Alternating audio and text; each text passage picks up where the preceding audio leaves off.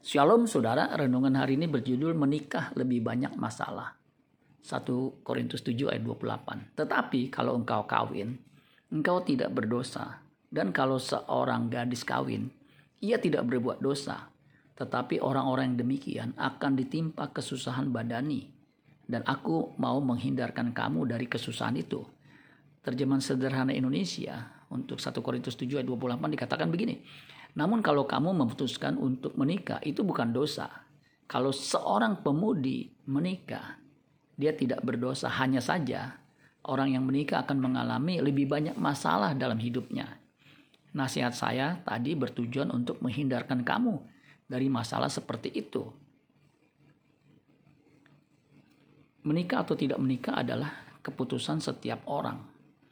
Menikah bukan berarti lebih baik atau sebaliknya tidak menikah itu lebih baik. Malah Paulus mengatakan orang yang menikah akan mengalami lebih banyak masalah dalam hidupnya. Pendeta Anwar Chen mengatakan bahwa para bapak gereja dan reformator lainnya termasuk John Calvin menjunjung tinggi ikatan pernikahan. Namun ia toh mengakui perkawinan adalah sumber dan penyebab banyak kesengsaraan.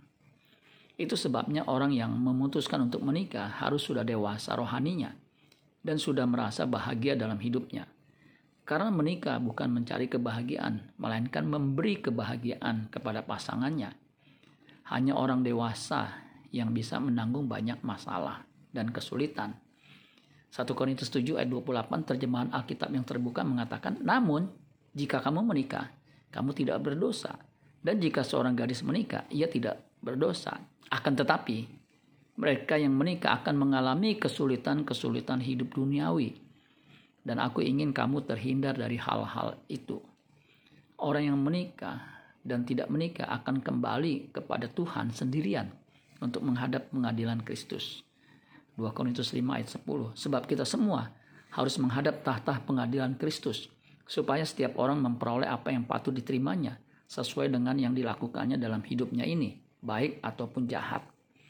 Roma 14 ayat 10. Tetapi engkau, mengapakah engkau menghakimi saudaramu? Atau mengapakah engkau menghina saudaramu? Sebab kita semua harus menghadap tahta pengadilan Allah. Amin buat firman Tuhan. Tuhan Yesus memberkati. Sola Gracia.